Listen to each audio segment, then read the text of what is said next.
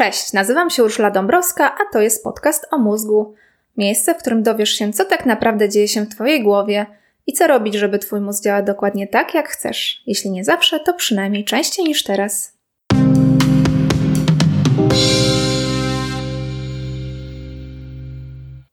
Zanim przejdę do drugiej części o instynktach, chcę Cię poprosić o zalajkowanie lub obserwowanie strony Podcast o mózgu na Facebooku. Możesz też dołączyć do newslettera na stronie www.urszuladabrowska.pl. Jeśli ten odcinek przypadnie Ci do gustu, poleć go znajomej lub znajomemu. Bardzo mi zależy, aby wiedza o mózgu trafiła do jak największej liczby zainteresowanych. Pomóż mi w tym, jeśli możesz. To jest drugi z dwóch odcinków podcastu poświęcony instynktom. Mamy siedem głównych trybów działania, czy jak wolą niektórzy, siedem podstawowych systemów emocjonalnych. Współdzielimy je z innymi zwierzętami, przede wszystkim z innymi ssakami. W pierwszej części opowiedziałam o instynkcie eksploracji, wściekłości i strachu. Te trzy tryby działania pomagają nam przeżyć każdy dzień z osobna i życie w całości. W dzisiejszym odcinku weźmiemy na warsztat kolejne cztery instynkty. Trzy z nich będą bezpośrednio związane z robieniem i wychowywaniem dzieci. Jakby nie było, w życiu zwierzęcia to druga najważniejsza sprawa. W końcu nie chodzi o to, żeby przeżyć, to za mało. Prawdziwy sukces z ewolucyjnego punktu widzenia to przeżyć i przekazać swoje geny. Dlatego w naszym życiu ogromną rolę odgrywa pożądanie, opieka rodzicielska i przywiązanie do opiekuna. Te tryby działania włączają się u zwierząt w różnych okresach życia, a u ludzi stanowią fundament wielu pozornie niezwiązanych stanów emocjonalnych i motywacyjnych. Za chwilę powiem Ci jakich. Siódmy i ostatni instynkt to prawdziwa wisienka na torcie – to mój ulubiony tryb działania. Jeśli dotrwasz do końca, łatwo zrozumiesz dlaczego. Startujemy. Jeśli słuchasz tego odcinka ze względu na dwuznaczny tytuł, to proszę bardzo. Wreszcie dostaniesz to, czego oczekujesz. Właśnie teraz porozmawiamy o seksie. Tak prawie, bo nie tyle o seksie, co o pożądaniu. W życiu każdego ssaka pojawia się czas, gdy szuka okazji do zrobienia kolejnych ssaków. Do tego służy instynkt pożądania. Wiadomo, że do tanga trzeba dwojga, więc pierwszym etapem jest znalezienie partnera albo partnerki. Dużo z tym ambarasu pewnie wiesz z własnego doświadczenia. Ja wiem. W życiu takiej myszy czy innego jelenia może trochę łatwiej niż w liceum, ale nadal ciężko. Żeby zwierzę albo człowiek nie zniechęciło się mimo trudów i koniecznego wysiłku, ewolucja zadbała, aby cały ten proces był porządnie napędzony przez wrodzony instynkt.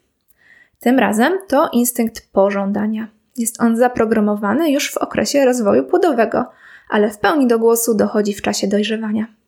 Pożądanie jest zależne od żeńskich i męskich hormonów płciowych. U płci pięknej główną rolę odgrywają estrogeny i oksytocyna, a u ssaków płci męskiej testosteron i wazopresyna. Stąd też w zachowaniu zwierząt widać wyraźną różnicę. Samice pod wpływem pożądania są bardziej wyczekujące, gotowe, responsywne, zachęcające – Natomiast samce dzięki testosteronowi wykazują się inicjatywą, zapalczywością, determinacją i odwagą. Uwaga, podkreślam, mówiłam o ssakach. Wnioski na temat ludzi tym razem pominę, bo ludzki świat pożądania i seksualności ma wszystkie odcienie i kolory tęczy. Także w dwóch zdaniach nawet nie ma co próbować go opisywać. Ba, nawet 20 minut całego odcinka byłoby za mało. Dlatego teraz gładko przejdę do następnego instynktu który, jak się domyślasz, jest naturalną konsekwencją pożądania. Powiedzmy, że pożądanie zadziałało tak, jak miało. Znalazł się on, znalazła się ona, mechanizmy ewolucyjne odpaliły na całego. Brawo, matko naturo. Znów się udało, będzie kolejne pokolenie. Fajnie, fajnie, ciąża, poród i gotowe. Czyżby?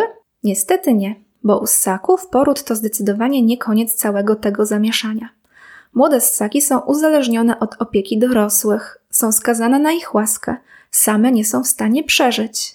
Jest taki gatunek, domyśl się jaki, gdzie cały ten czas zależności potrafi trwać nawet 30 lat. Ale i z tym problemem uzależnienia młodych ssaków od dorosłych ewolucja sobie nieźle poraziła. Wbudowała w mózgi ssaków kolejny instynkt, instynkt opieki nad młodymi. Właściwie wymyśliła ten zabieg co najmniej dwa razy, bo i wiele ptaków opiekuje się swoimi pisklakami. Instynkt matczyny, a u ludzi rodzicielski to bardzo ważna sprawa. Na porządnie włącza się wraz z urodzeniem pierwszego dziecka. I całe szczęście, że tak się dzieje. Nowi rodzice potrzebują porządnego biochemicznego doładowania, żeby znaleźć siły i motywację do opieki. Bo umówmy się, że z punktu widzenia dorosłego osobnika, mały, bezbronny, za to głośny, absorbujący i wiecznie głodny potomek to same koszty, problemy i wyrzeczenia. A jakoś mama mysz tak na to nie patrzy, tylko z ochotą zajmuje się swoim miotem. Tak samo mama niedźwiedzica, mama szympans czy mama homo sapiens. Dzieje się tak właśnie dzięki instynktowi opieki. Instynkt opieki jest napędzany estrogenami, prolaktyną i oksytocyną. Biochemiczny koktajl w mózgach kobiet i ssaczych mam sprawia, że na całego przywiązują się do swoich dzieci. Zdecydowanie mocniej instynkt opieki działa u ssaków płci żeńskiej, ale jak zwykle ludzie i ten instynkt zaadaptowali i rozwinęli do niespotykanych w świecie zwierząt rozmiarów. Po pierwsze, również mężczyźni odczuwają przemożną potrzebę posiadania i opieki nad potomkami. Tatusiowie wszystkich krajów łączcie się i nie dajcie sobie wmówić, że czegoś wam brakuje. To prawda, instynkt opieki jest bardziej po drodze paniom, ale i wy macie ten sam mózg, te same hormony i te same neuroprzekaźniki do dyspozycji. Instynkt opieki jest dla was też dostępny, tylko trochę wolniej i trochę słabiej się odpala. Dodatkowo naukowcy postulują, że na fundamencie instynktu opieki rozwinęły się gatunki społeczne. Dzięki tej pierwszej zdolności do opieki i tworzenia długotrwałej więzi między dwoma osobnikami, mózg nabył umiejętności do tworzenia wszystkich innych relacji. No ale wiadomo, żadna nie jest chyba tak silna jak więź mama-dziecko. Zaraz zobaczysz, jakie może to mieć dramatyczne konsekwencje. Ewolucja wbudowała w mózgi ssaków obwody, które sprawiają, że ssacza mama chce opiekować się dzieckiem i co więcej, sprawia jej to przyjemność. To świetny punkt wyjścia, ale nie wszystko. Do tego sprytnego mechanizmu ewolucja dodała specjalny bezpiecznik w mózgu ssaka, tym razem, żeby odpowiednio ukształtować zachowanie malucha. Mechanizm ten odkrył i opisał estoński neuronaukowiec Jak Panksepp, o którym wspominałam już w ostatnim odcinku. Panksepp zauważył, że małe gryzonie zabrane od matki są niespokojne i płaczliwe. Robią dokładnie to samo, co nasze ludzkie bobaski. Drą się w niebogłosy, żeby mama wróciła. Świetnie to działa i u gryzoni, i u ludzi, i jak się okazuje, u wszystkich małych ssaków. To instynkt. Żadnego malucha nie trzeba tego uczyć. Pan Ksep nazwał to systemem paniki i smutku, choć często na skróty nazywa się to lękiem separacyjnym. No i tu należy Ci się więcej wyjaśnień. W ostatnim odcinku omówiłam instynkt strachu, czyli tryb działania w sytuacji zagrożenia. Separacja małego ssaka od matki to ogromne niebezpieczeństwo, ale o zupełnie innym charakterze. Co istotne, w mózgu te dwa systemy są obsługiwane przez inne obwody, dlatego Panksep odróżnia strach od paniki. Okazuje się bowiem, że więź między matką a dzieckiem stymulowana jest m.in. endogennymi opioidami. Rozstanie z matką sprawia, że małe dziecko i mały ssak jest pozbawione opioidów, więc jest jakby na głodzie. Nic dziwnego, że odczuwa ogromny ból, strach, czy jak mówią naukowcy, dyskomfort. Nie trzeba się tego domyślać, bo drze się w niebo głosy. To jest plan A małego ssaka. Przywołać opiekuna do porządku. Panika, rozpacz, pełna drama.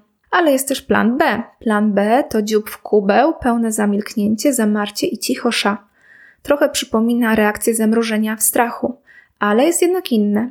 Chroni małego porzuconego ssaka przed drapieżnikami, bo krzyk je zwabia, a siedzenie cicho już nie tak bardzo. Ale paraliż separacyjny nie wiąże się z mobilizacją organizmu, ale przeciwnie, wiąże się z odpływem sił.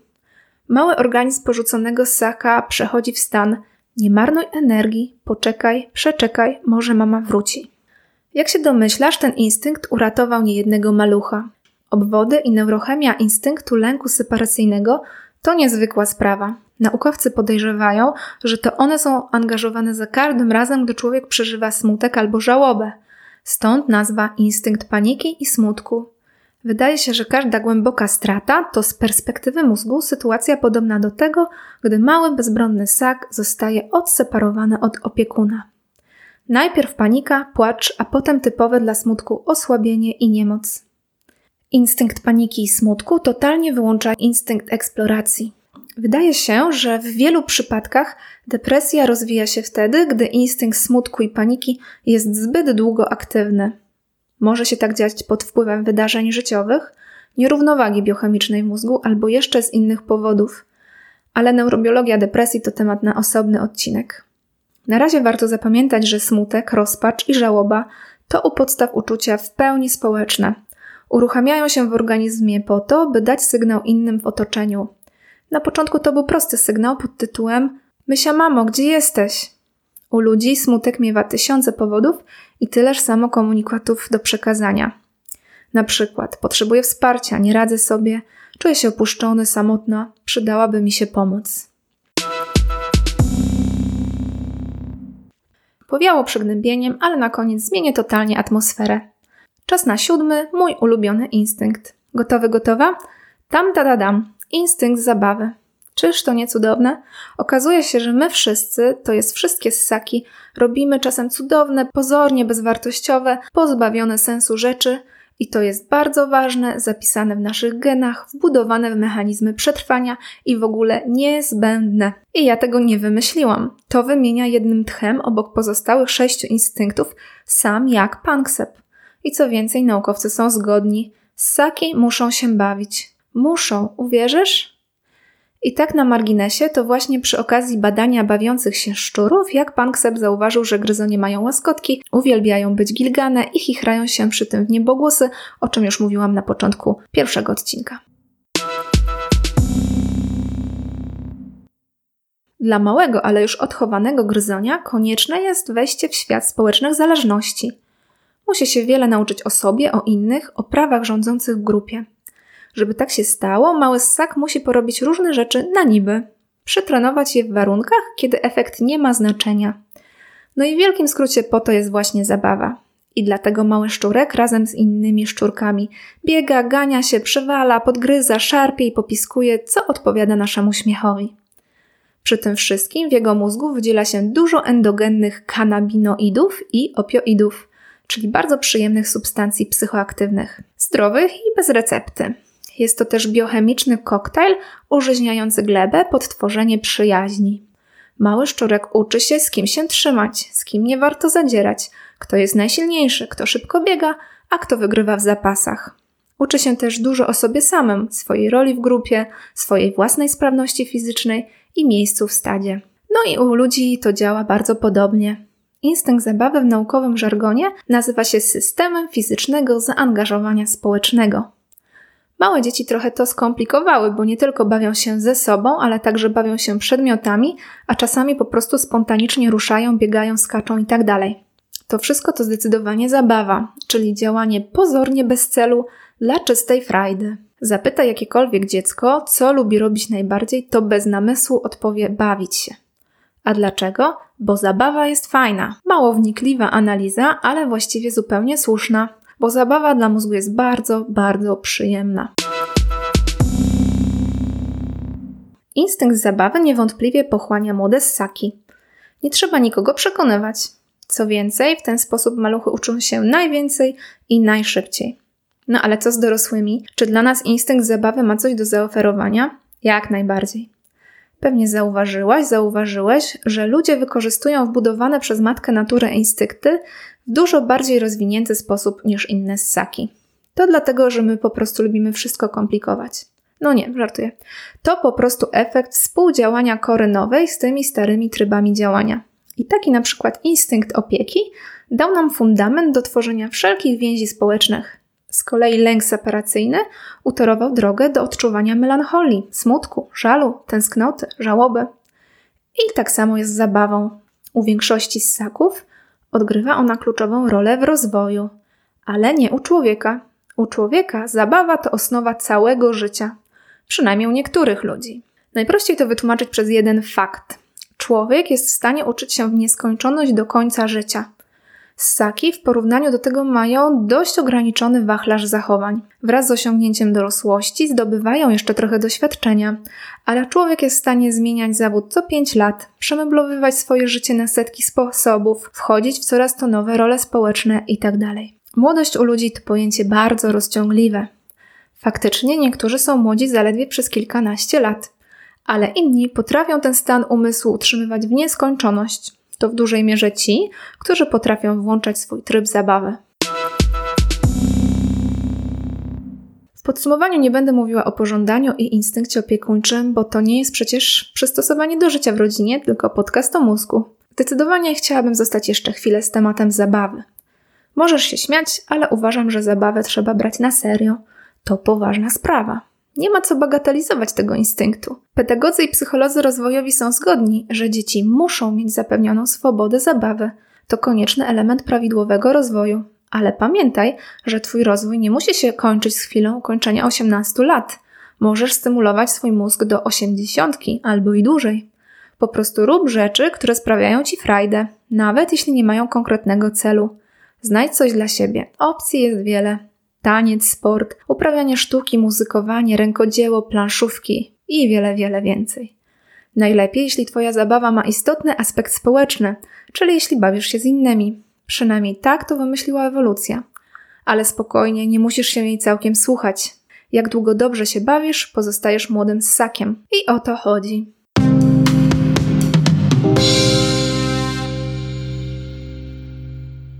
Dziękuję Ci za wysłuchanie tego odcinka. Jeśli chcesz więcej informacji na mój temat, zapraszam Cię na stronę www.urszuladabrowska.pl. Znajdziesz tam mojego bloga oraz opisy książek. Zapisz się do newslettera, a informacje o nowych odcinkach będą wpadać prosto na Twoją skrzynkę mailową. Podcast o mózgu jest także na Facebooku. Zapraszam do polubienia strony i kontaktu. Tymczasem do usłyszenia. Dobrego dnia, dobrej nocy. Ula.